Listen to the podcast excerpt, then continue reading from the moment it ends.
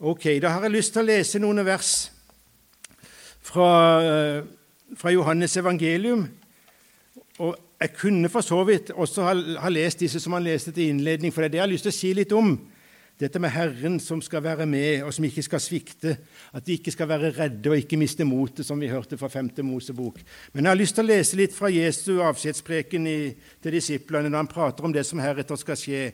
Og Det er fra Johannes 14, og det er noen kjente vers. Vi lever i en veldig urolig og vanskelig tid for mange. Og det er jo sånn at, at uh, Uhyrlighetene står jo i kø.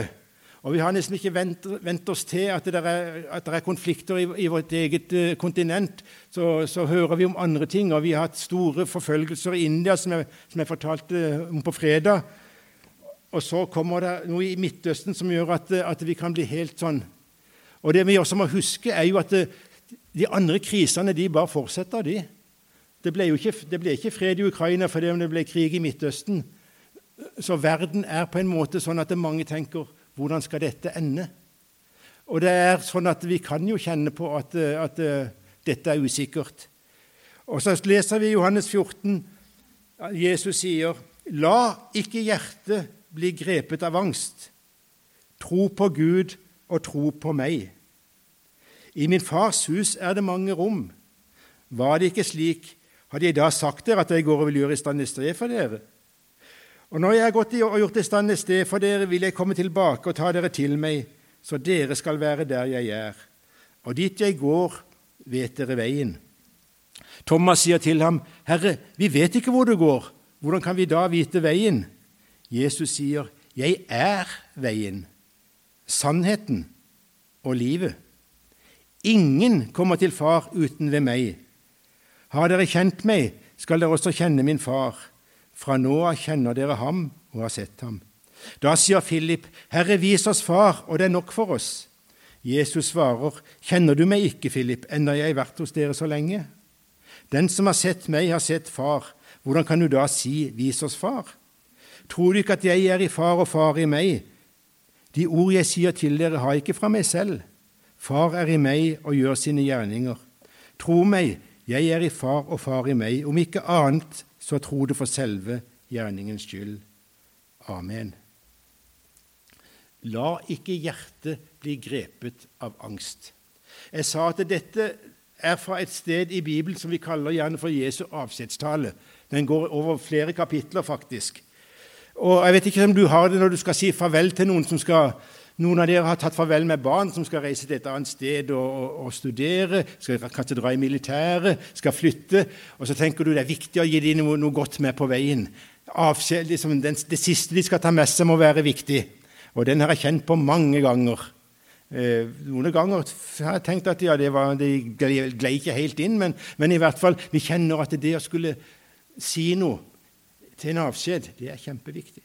Så når Jesus da skal holde en avskjedstale, så blir jeg så glad for å se at det er en tale om omsorg. Det er en omsorgstale. Det er, en tale, ja, det er også en tale om oppgaver. Det er til og med en tale om forfølgelse og død. Men viktigst så er det en tale om omsorg. Fred gir jeg dere. Brød gir jeg dere. Vann gir jeg dere. Ja, til og med talsmannen, Den hellige ånd, som skal rettlede dere i alle ting, skal jeg gi dere. Dere skal ikke bli etterlatte faderløse. Jeg må snart ta avskjed med dere, men dere skal få det dere trenger til. Jeg skal sørge for dere, sier Jesus til dem. Og Det betyr at Jesus ja, han har stor omsorg for sine barn i alle aldre og til alle tider. Han visste at disiplene ville få det tøft. Han visste at disiplene skulle møte på ting som ville gjøre dem i tvil om hva i all verden er det som skjer, og hva i all verden skal vi nå tro. Og han sa aldri verken til de eller til oss dere skal aldri møte på motgang, dere skal aldri ha utfordringer. Men han sa at de skulle slippe å la hjertet bli grepet av angst. Hvorfor det? Jo, for han ville gå med.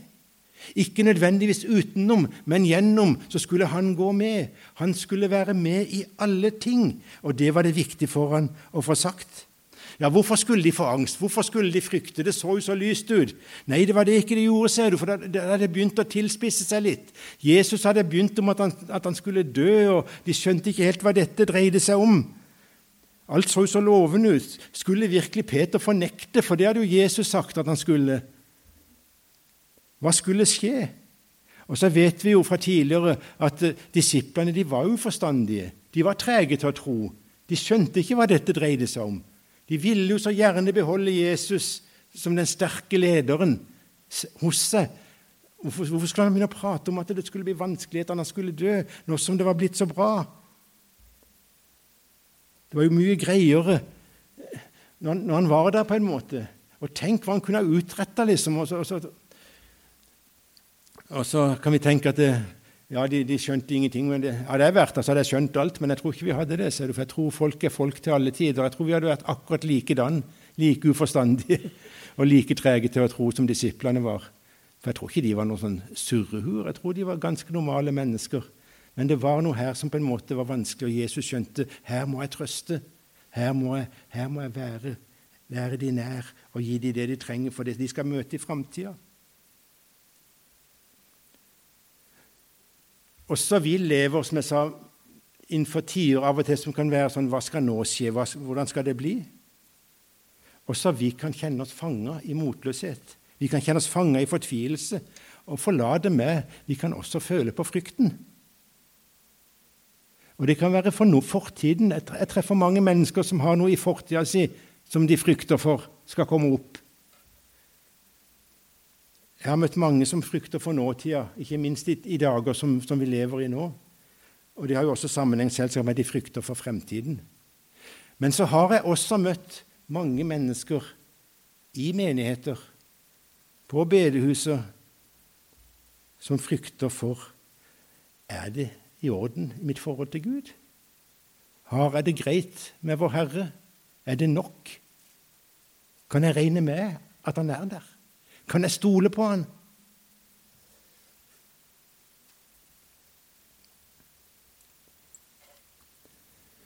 Jeg vokste jo opp med Margrethe Munthe. Mange av dere gjorde det. Ikke storm inn i stuen før du har tatt av deg luen. Og alt dette her som måtte være på stell. Og skal vi være ærlige, så hadde vi faktisk hatt noen kristne varianter også. Vær forsiktig, lille fot, hvor du går. Vær forsiktig, lille hånd, hva du gjør. Vær forsiktig, lille øye, hva du ser. Hvorfor det? Jo, for Gud Fader i det høye, han ser det. Og grunnen til at han ser det, det er fordi at han skal ta deg hvis du gjør noe galt. Jeg har møtt så mange på min alder og litt eldre som sliter med et gudsbilde der alt er så strengt at de føler de fikk det ikke til, så de kan like godt gi seg. For det ble for vanskelig for øyet hadde sett både det ene og det andre, og foten hadde gått både hit og dit. Jeg er så glad for at mine barn vokste opp med en variant av den sangen. For Gud ser oss, det skal vi ikke være i tvil om. Men hva, mine, hva sang mine barn? De sang 'Gud er så glad i meg at han kan aldri holde øynene fra meg'. Hvor jeg enn går, sitter og står, han bevarer meg. Jeg er bestandig trygg, for han er med gjennom alt det som skjer meg. Og du ser forskjellen. Du ser forskjellen. Gud ser oss i alt vi gjør, ikke for å ta oss. Han ser oss i alt vi gjør, fordi han vil minne oss på at 'jeg er der'. Jeg går med.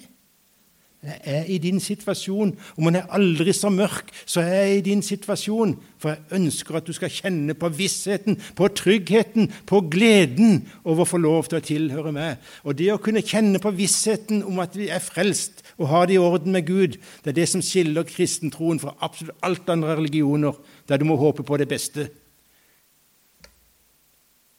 Vi får leve i vissheten om at Jesus går med oss.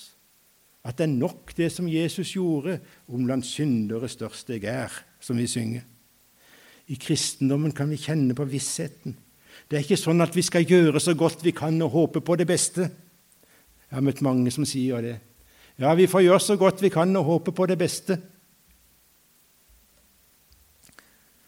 Ja, altså, vi skal ikke gjøre så godt vi kan, men det kan vi jo godt for, for, for, forsøke på. Men poenget er at vi trenger ikke å gjøre noe i det hele tatt, for Jesus har gjort det som gjøres skal. Jesus har gjort det som gjøres skal når han ga sitt liv på korset, som vi snakker om på fredag her. Da kan vi komme akkurat sånn som vi er. Da kan vi komme som røveren som jeg sa, som ikke hadde noe å tilby. Han hadde noen få minutter igjen å leve. Røveren som ikke hadde noe å slå i bordet med av fortreffelighet i livet sitt, men som fikk det til tilsagnet 'Du skal få være med meg i paradis'. Og så er det jo så vanskelig dette, men hvordan skal vi kjenne, få denne vissheten? For ikke, vi, vi, kjenner det ikke alltid, vi føler det ikke sånn. Vi kjenner det ikke sånn. Nå skal du høre hva du skal gjøre da. Du skal gå til Guds skrevne ord. Jeg vet ikke mange, her, mange det er her som, som, driver med, med, som driver i butikk, eller som driver med forretning. Men også vi som ikke gjør det. Vi har lært oss én ting, og det er at det, det er lurt å få ting skriftlig. Det er lurt å få ting skriftlig. Det er lurt å skrive under på et skjøte hvis du kjøper et hus, og ikke bare si, at han sier at ja, det er, det er mitt, så du, du nå, gi meg de pengene, så er det ditt. Det er lurt å få det skriftlig. Så i alle ting i livet så lærer vi oss at det er lurt, det er trygt å ha det skriftlig, det vi skal forholde oss til. Og i dette viktigste av alle ting så har vi det skriftlig. Hør hva, hør hva 1. Johannes sier. Dette har jeg skrevet til dere. Hvorfor det? For at dere skal vite, ikke tro engang, men vite, at dere er Guds barn og har evig liv, dere som tror på Guds sønns navn. Tenk på det! Han har skrevet det med en hensikt for at vi skal vite dette har jeg skrevet for at jeg skal vite. 1. Johannes 3,1.: Se hvor stor kjærlighet Faderen har vist oss. Vi får kalles Guds barn, og vi er det. Og Så tar jeg med et vers fra Romerbrevet. Da vi altså Jeg er så glad i det lille ordet 'altså'. Da vi altså er blitt rettferdiggjort ved tro, har vi fred med Gud ved vår Herre Jesus Kristus. Vi har det skriftlig. Vi har det skriftlig.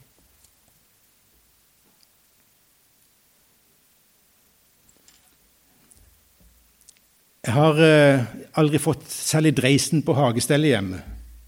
Så når jeg hadde bodd der en stund der jeg bor nå, da, så, så kikka naboen over hekken så sa han, de har i grunnen ikke brydd seg om hagen, noen av de som har bodd i det huset her. Og han hadde alt på stell. Absolutt alt på stell. Og ære være han for det. Men så har jeg tenkt, hvis han hadde sagt til meg du Allan, er du sikker på at dette er ditt hus, for nå ser du ikke ut her ute i hagen, så hadde ikke jeg begynt å se på, på, det og tenkt at ja, der sier du noe, kanskje ikke det er det. Og Hvis han ikke hadde gitt seg på det og sagt Allan, det kan ikke være ditt hus, for nå burde du ha gitt et strøk med maling også. Så det, det kan ikke være ditt. Hvis, hvis ikke han hadde gitt seg, hva hadde jeg da gjort? Da hadde jeg gått inn og henta skjøtet der det står at, at jeg kjøpte det av Tore Sandring for en slikk og ingenting, hadde jeg sagt. Eh, eh, men, men, men, for jeg hadde det skriftlig. Og vi vil ikke drømme om å si at nei, du har rett i det, jeg skal flytte ut med en gang. Men i dette viktigste av alle ting så er det akkurat den feilen vi ofte gjør. Vi kjenner etterpå liksom sånn, Vi ser på omgivelsene, så tenker vi For djevelen kommer, og så sier han til Allan, er du sikker på at du skal fortsette som predikant? Du vet hva du gjorde, eller aller helst ikke gjorde. Det er jo, det er jo oftest unnlatelsessyndene som, som vi blir tatt på. Skulle jeg da si at ja, når du sier det, jeg kjenner godt etter, så er det noe der? Nei, det er det han ønsker, men det er ikke vi må gjøre. Vi må løpe til og si at ja, flytt det, jeg har det skriftlig. Ikke kom her og prøv det. Jeg har det skriftlig. Jeg får tilhøre Jesus i troen på Han.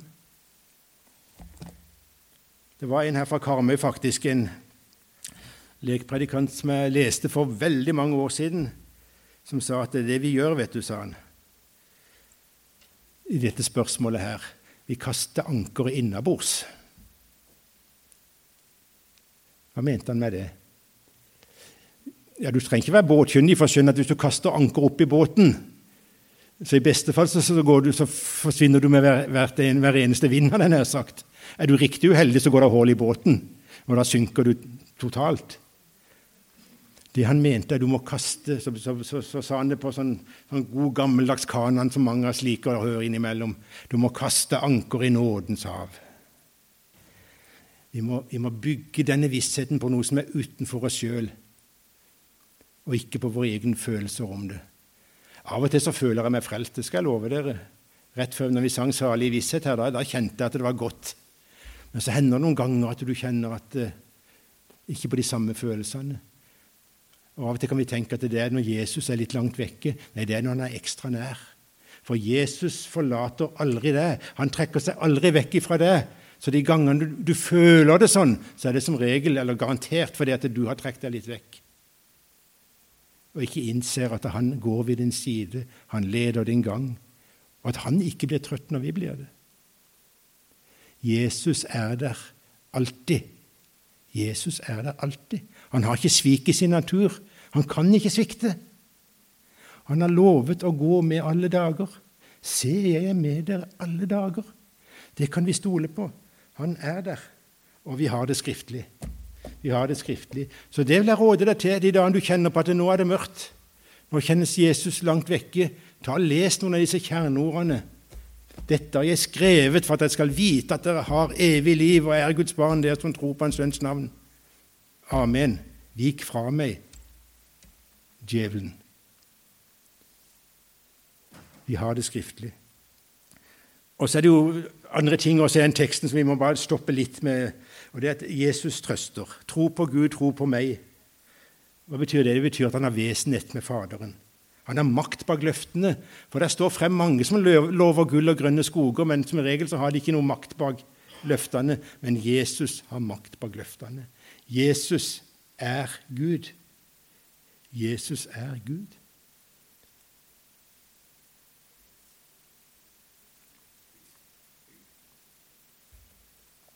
For jeg er viss på at verken engler eller krefter, verken det som nå er eller det som kommer, eller noen makt, verken som er i det høye eller i det dype, eller noen annen skapning, skal kunne skille oss fra Guds kjærlighet i Kristus Jesus, vår Herre. Romerbrevet 8,38. Det var ikke mye som gjensto der.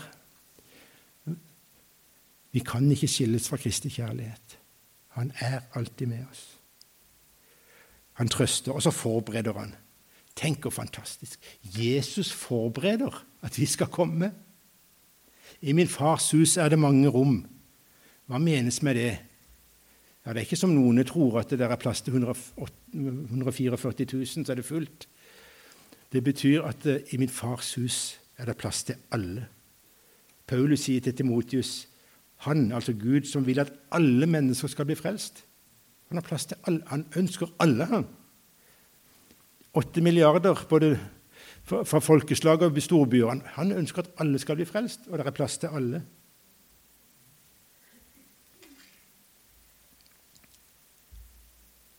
Han forbereder. Jeg vet ikke om du har kommet på besøk til noen der du kjenner at de har forberedt seg på at du skal komme. De har virkelig gleda seg. De har til og med kanskje lagt en tvistbit på hodeputa. Det er deilig å komme til noen der du kjenner at her er jeg ønska. Her har de forberedt seg. Og tenk at det selveste Jesus forbereder himmelen på at vi skal komme. Det er jo helt utrolig. Det er helt fantastisk. Jesus han, han sitter der og gleder seg og forbereder seg på det. En gang skal vi være sammen for alltid. Så har jeg møtt på folk som sier at ja, men himmelen, hvor, hvor, hvor, hvordan blir det? Så jeg, jeg, jeg har ikke peiling. Jeg vet ikke. En som skulle holde litt narr av meg, han sa en gang at eh, jeg vet ikke om jeg vil sitte på en sky og spille harpe til evig tid. Jeg ble sittende og tenke jeg vet ikke om det er det jeg heller har så lyst til, men, men jeg vet ikke om det er det jeg skal heller. Og jeg vet ikke om det er der, eller hvor, hvor, hvor, hvor det er sånn liksom Men det vet jeg, at himmelen, det er der hvor Jesus er, og hvor han ønsker at jeg skal være. Og der han forbereder seg på at jeg skal være. Og det blir jo bra. Det blir jo kjempebra. det Enten det blir sånn eller sånn, så blir jo det kjempebra. Det kan vi glede oss til. Det kan vi glede oss til. Himmelen, hvilket herlig sted. Og så forklarer han til Thomas Vis oss veien. Og så sier han 'Jeg er veien'. Og det er ikke én vei av flere mulige. Det er det veien. Jeg er sannheten. Ikke én sannhet blant flere, men selve sannheten. Og jeg er livet. Selve livet er Jesus for oss som tror på Han. Og så sier han 'ingen kommer til Faderen uten ved meg'. Og vi kan være så prektige vi bare vil, og vi kan, vi kan skrive et sjekk på alle, alle, listene om at vi har gjort både det og det, og, og fariseerne var jo flinke til det, de hadde gitt tiende, og de remsa opp hvor flinke de var. Det er ikke det det kommer an på. Ingen kommer til Faderen uten ved Jesus. Men ved Han kan også alle komme, om det er røveren på korset, eller om det er en gatepike, eller hvem det måtte være. Alle kan komme til Jesus skal jeg avslutte nå med den siste samtalen han har her, som, som jo på en måte er